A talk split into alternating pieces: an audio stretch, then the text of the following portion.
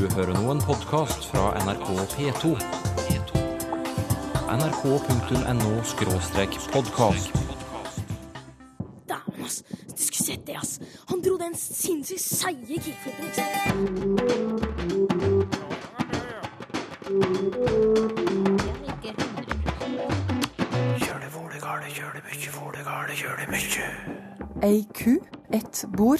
én vei. Vi deler substantivene inn i kjønn, men det kommer vi kanskje til å slutte med. Ja, det er egentlig ganske sannsynlig at uh, kjønnene kommer til å forsvinne fra norske substantiv. Språkteigen jubilerer. Hva slags ord spurte lytterne om før i tiden? Det er en ordtype som er svært populær i våre dager. Vi har mediotek, lekotek, diskotek, filmotek, fonotek, klippotek, artotek. Hva er det du står og grubler på nå, Sylfes Lomme? Hva er kjerringa som blir reist opp? Å ja, er det den dagen i dag, ja. Her må vi virkelig bakover i tid, til en stokk som lå i bunnen av båten. Ok, men den tidsreisen tar vi senere i sendingen. Kommer kjønnene til å forsvinne? Altså ikke inndelingen i kvinne og mann, men i grammatiske kjønn, som vi jo har tre av. Ei ku, ett bord, én vei. Det har de f.eks. ikke på engelsk. A cow, a table, a road. Vil det bli slik på norsk også? Ved flere anledninger har lyttere spurt om dette, og nå er det på tide å gi dem svar. Kristin Melum Eide, professor i nordisk språkvitenskap ved NTNU. Kommer grammatisk kjønn til å forsvinne på norsk? Ja, det er egentlig ganske sannsynlig.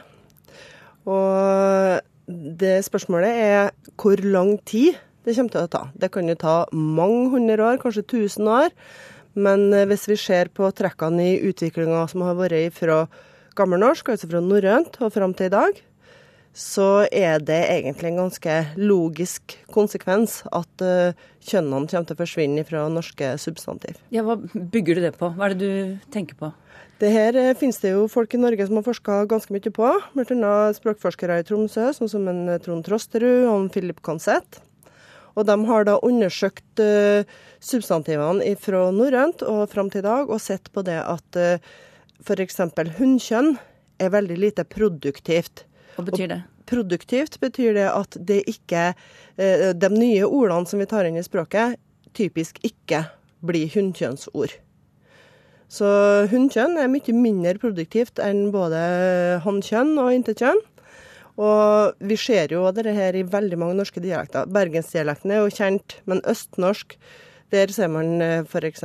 én bok, der man andre plasser i landet sier ei bok. Og, og man har da et felleskjønn mellom hunnkjønn og hannkjønn, i stedet for å ha et eget hunnkjønn, sånn som man har i veldig mange dialekter, og i nynorsk. Mm. Men hvorfor får ikke nye ord hunnkjønn?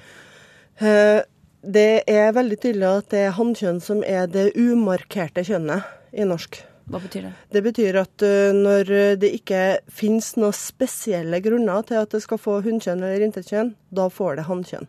Mm. Så det er liksom det nullforma, det umarkerte, det som skjer hvis ikke noe annet skjer, det er hannkjønn. Hvordan mister etablerte ord det grammatiske kjønnet sitt da? Du nevnte det her med ei bok, én bok, f.eks. Det er mange forskjellige prosesser som virker her. En ting er jo analogi og forenkling.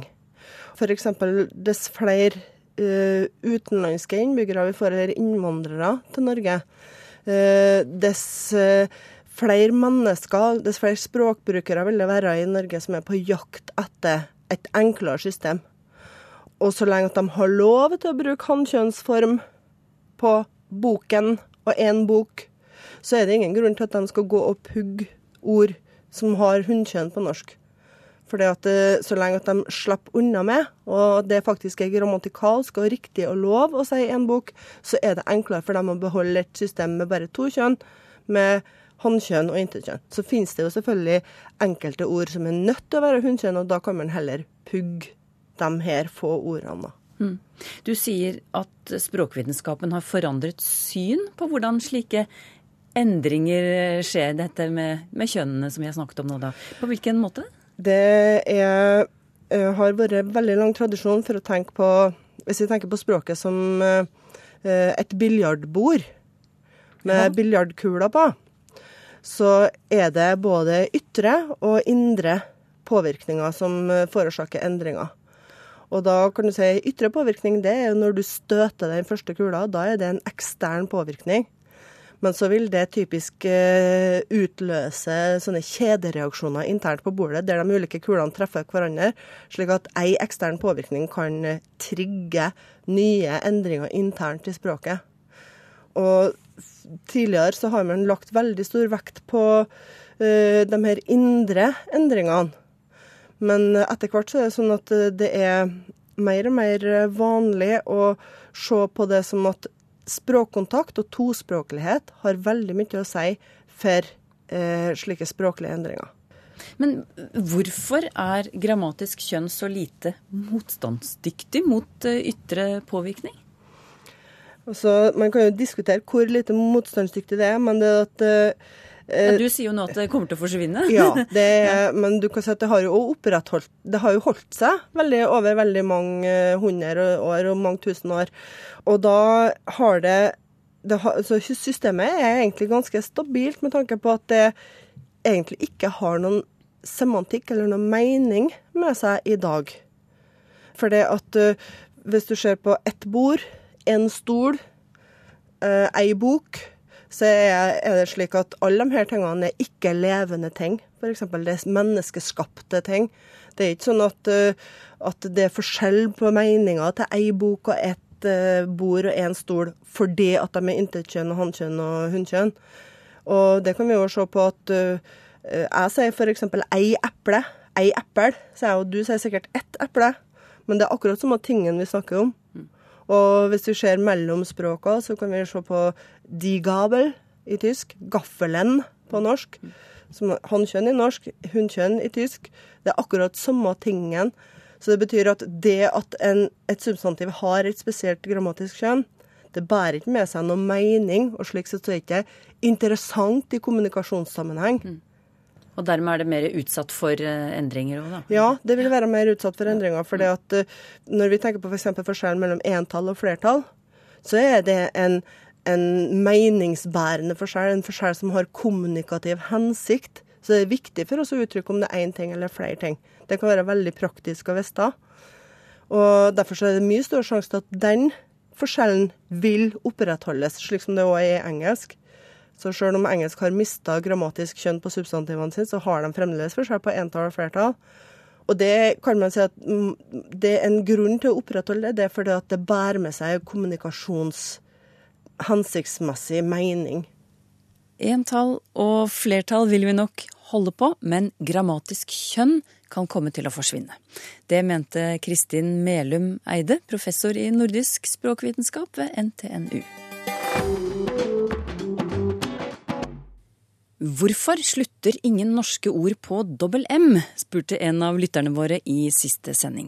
Dette er ikke et særnorsk fenomen, vi finner lignende regler i flere europeiske språk. Men hva skyldes det?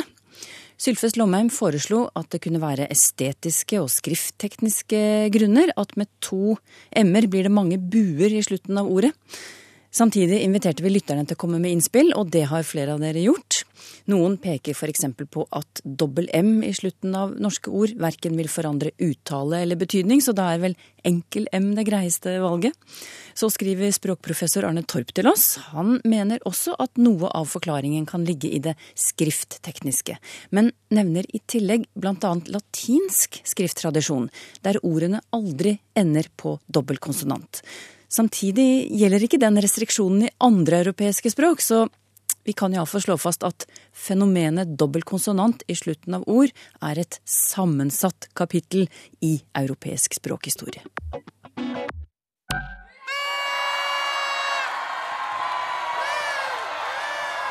Ja, hurra for Språkteigen, som har bursdag i disse dager.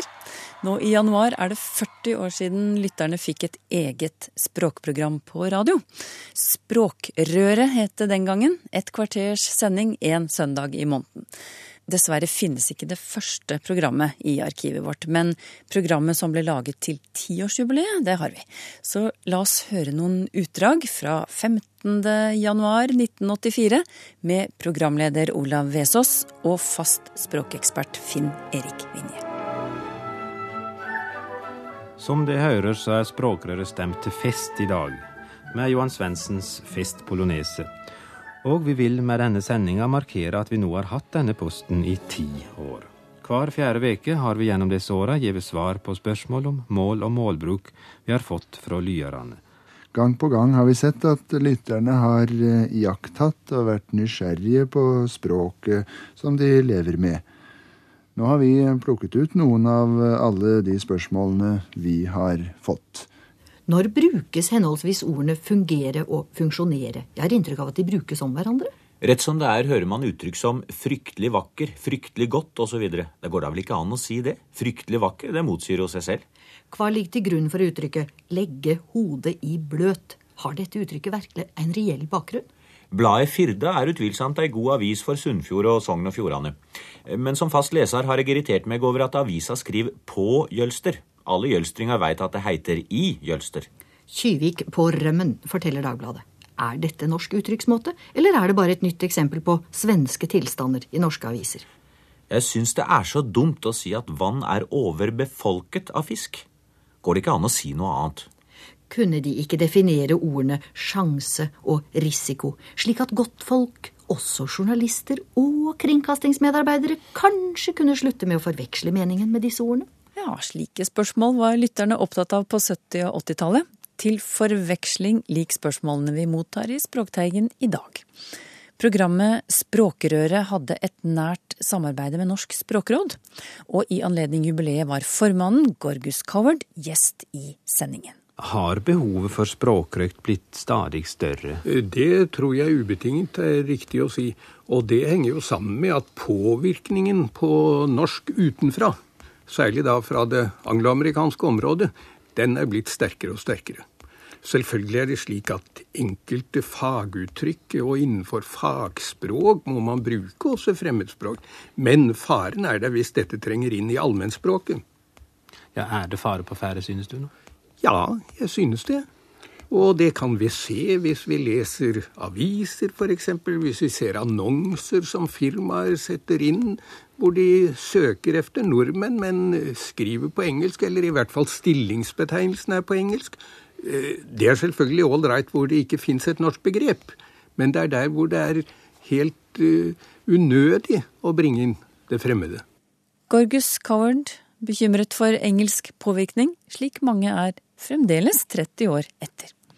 I jubileumssendingen fra 1984 besøkte Språkrøret også en aktiv lytter som hadde sendt inn mange spørsmål og språkobservasjoner helt fra starten. 80-åringen Åse Lund på Lambertseter i Oslo. Vi var innom henne en dag og spurte hvorfor hun er så interessert i norsk språk. Fordi, For det første er jo språket det er jo et kontaktpunkt mellom mennesker. Det formidler både tanker og følelser. Og, og så er språket noe levende. Og det syns jeg er spennende. Jeg husker et av spørsmålene dine. Eh, du hadde lagt merke til at uh, verbet 'å ratte' forekom i en avis. Ja. Det syntes du var rart? Ja, det syns jeg var rart. Har du blikk for sånt nå? Ja, har, og det har jeg grunn Jeg har kanskje hatt det litt alltid. Jeg har alltid vært glad i språk. Og har vokst opp med at vi skulle følge med i språket. Fra ikke minst fra en bestefar som slett ikke var noen filolog, men som var språkinteressert. Han mente at språket betød så meget. Og så er du opptatt av generasjonsforskjeller ja, i språket, har vi lagt merke til? Det er jeg. Jeg er det, for jeg er jo, jeg er jo over 80 år selv nå, og er jo vokst opp i en annen tid hvor vi skulle tale nydelig og prydelig og tydelig, ikke sant? Syns du det er leit det som skjer nå? nei, nei, nei, jeg syns ikke det. Nei. Jeg syns det er et levende språk til unge taler. Og språket skal jo også utvikle seg. Og vet dere det at jeg syns at nå når jeg bor, og det må jeg få, få, lov til å si, for det ligger meg virkelig på hjertet, nå bor jeg i en trygdebolig. Vi er gamle mennesker fra alle steder i landet. Og noen er blitt nordmenn som har kommet fra fjerne land. Og jeg syns at rent språklig er det spennende. Det er spennende at vi har beholdt noe av det vi har fått inn så å si med morsmelken. Det kan være oppe fra Finnmark, det kan være fra Sørlandet, fra Vestlandet og ikke minst da fra min egen del Trøndelag. Og at vi har beholdt det, men at vi samtidig har tilpasset oss ny tid og ny språkbruk. Det er noen som hevder at eh, det har skjedd et språklig forfall. Ja da, det hører jeg så meget, og jeg kunne si mye om det. Jeg skal være veldig forsiktig. Eh, på en måte kan jeg da godt forstå det. Eh, mennesker som er fastgrodd i det pene, prydelige, nydelige språket vårt, at de syns det er et språklig forhold. Jeg, jeg, jeg vil ikke sette meg opp mot dem, men jeg mener at et språk skal da leve. Et språk må leve, sa Åse Lund, trofast lytter av Språkrøret. Jeg slo fast i sted at lytterspørsmålene for 30-40 år siden lignet på dem Språkteigen får i dag. Men her er et heller tidstypisk eksempel fra jubileumssendingen i januar 1984. Så er det Johannes Kielland i Kopervik som har lagt merke til alle disse tek-orda vi får. Diskotek, klippotek osv. Ja, det har vi vært innom før, og det er en ordtype som er svært populær i våre dager. Vi har mediotek, lekotek, diskotek, filmotek, fonotek, klippotek, artotek. Og artotek, det skal være en ja, det er vel en butikk som selger kunst, går jeg ut fra. Og så har vi her i Oslo noe som heter Friskotek. Det er et helsestudio. Så dette etterleddet tek, det betyr egentlig bare sted, betyr det uh, nå. Og autotek nevner Johannes Kielland. Det det er nytt. Jeg, det har ikke jeg støtt på, nei. Det finner jeg ikke. Men klippotek er ikke helt nytt. Fordi det er iallfall et ord med en ja, 15 år på baken, skulle jeg tro. Og det og, finnes også i dansk og svensk. Og dette er ord som vi må akseptere. Ja, det er jo ikke noe i veien med dem i og for seg. Jeg syns det er greit. De lar seg jo skrive og uttale på norsk og bøyes ganske lett. Så det syns jeg er ålreit ord. Sånn hørtes det ut på midten av 80-tallet i Språkrøret, som ble til Språkteigen i 1993 i forbindelse med at NRK Radio la om til tre kanaler. Og i disse dager feirer altså programposten 40 år. Nå har vi akkurat hørt litt om hva slags spørsmål lytterne sendte inn for 30-40 år siden, Sylfes Lomme, men vi må tilbake til vår egen tid og våre lyttere, som eksempel Lars Christian Larsen. Han lurer på hvor ordtaket 'å reise kjerringa' kommer fra. Ja, det blir jo brukt både i sport og i hoppbakken og masse slikt, men det er egentlig moderne språk. Her må vi virkelig bakover i tid. Hva er kjerringa som blir reist opp? Og da må vi til ein stokk, ein tjukk stokk som låg i botn av båten, ein rund stokk, og den kunne reisast opp for å brukast til seglføring hvis det var nødvendig. Og vi ser jo for oss karane når dei er ute på sjøen, at da vågar dei å reise kjerringa og kalle denne stokken for kjerringa. Det er jo ikke bare pent, da. Og dette ordet kjerring heiter i gammelnorsk ikke kjerring, men karling. Og det betyr nemlig ordet kar, og så det forminskende ordet ling. Karling, med andre ord kjerring, betydde i opphavet altså liten mann. Kjerring er altså en liten mann. Og historia om dette ordet kjerring stansa ikke der fordi at dette var et av de gammelnorske og gammeldanske orda som vart tekne med av vikingane til Frankrike for over tusen år sia. Og frå Normandie så vandra dette ordet karling inn i offisiell fransk etter hvert, og ordet carling, altså karling, finst den dag i dag i fransk, og i ei spesialtyding, nemlig det blir brukt ikkje om en rund stokk, men en. Det er det franske ordet for skrog på et fly. Altså flyet uten venge, det heiter også i dagens fransk carling, og det er vårt ord kjerring. Ganske fantastisk. Petter Hagemo fulgte med på sjakk-VM i fjor, og han tar fram uttrykket patt. Han skriver det er jo noen kjente originale franske termer som remis, rocade osv., men det er ett ord som klinger helt annerledes, nemlig patt. Hvor kommer det fra, og hva betyr det? Det har vi mistanke om at da kan det ikke være verken fransk eller engelsk, og det er det ikke. Det skal komme fra italiensk, og der betyr patt å stå likt i spel, altså uavgjort. Og det er òg et uttrykk å sette patt, visstnok, men eh, verken du eller jeg enn er vel de store sjakkspillarane.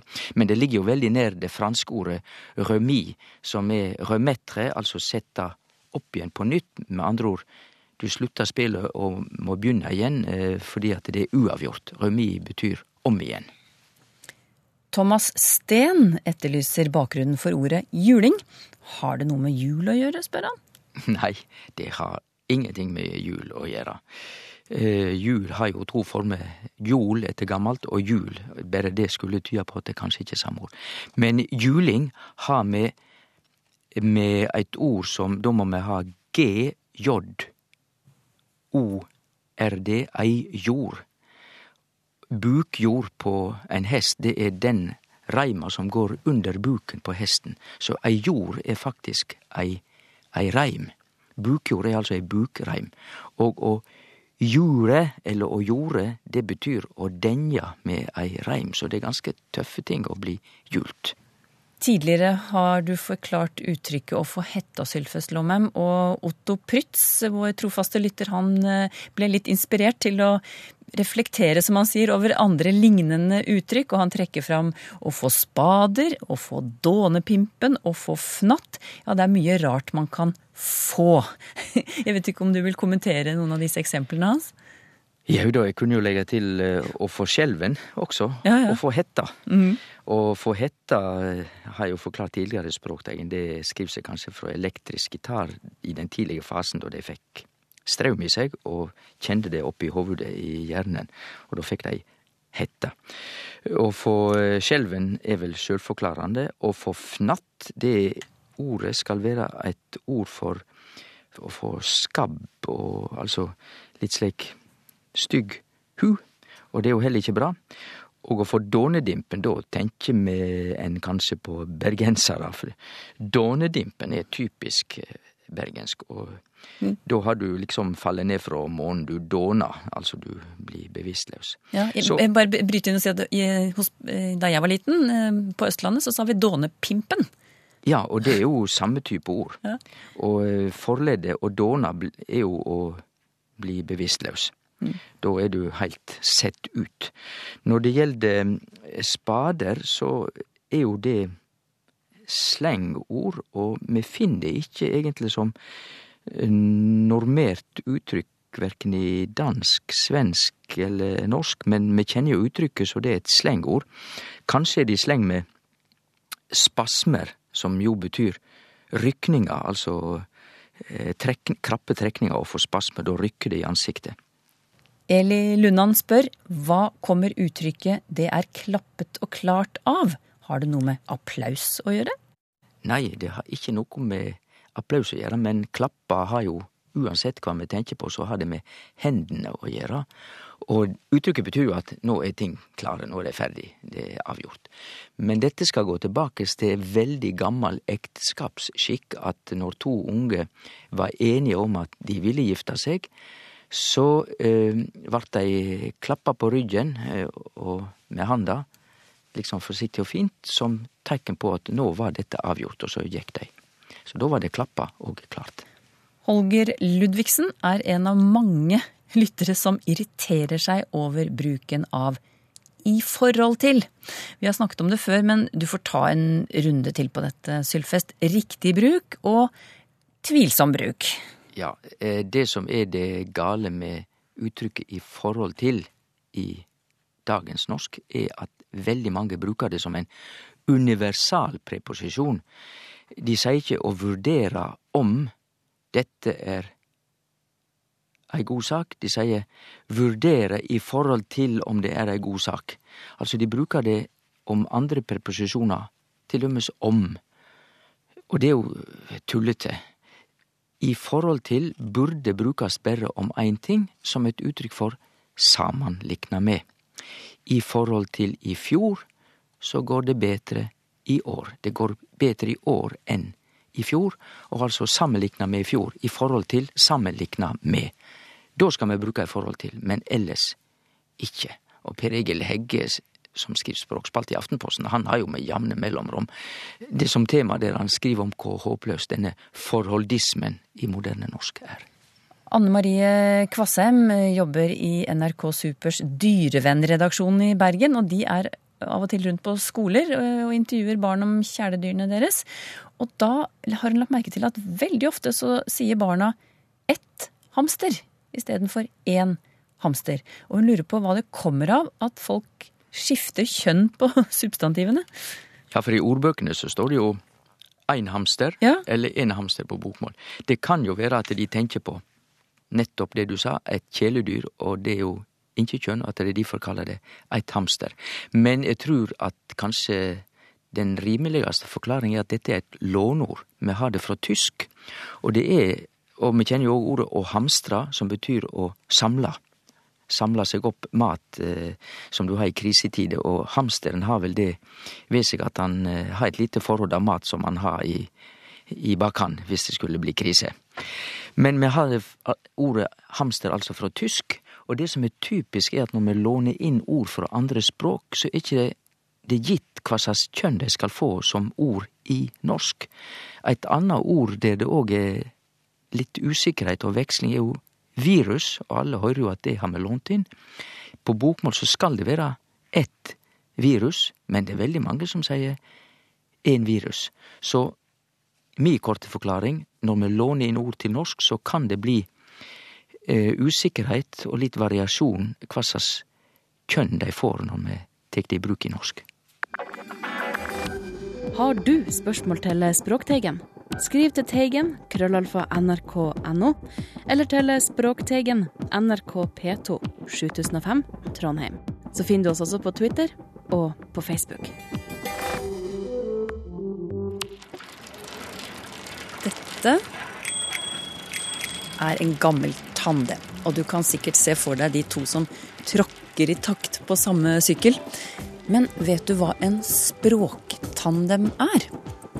Hør mer i Språkteigen om en uke.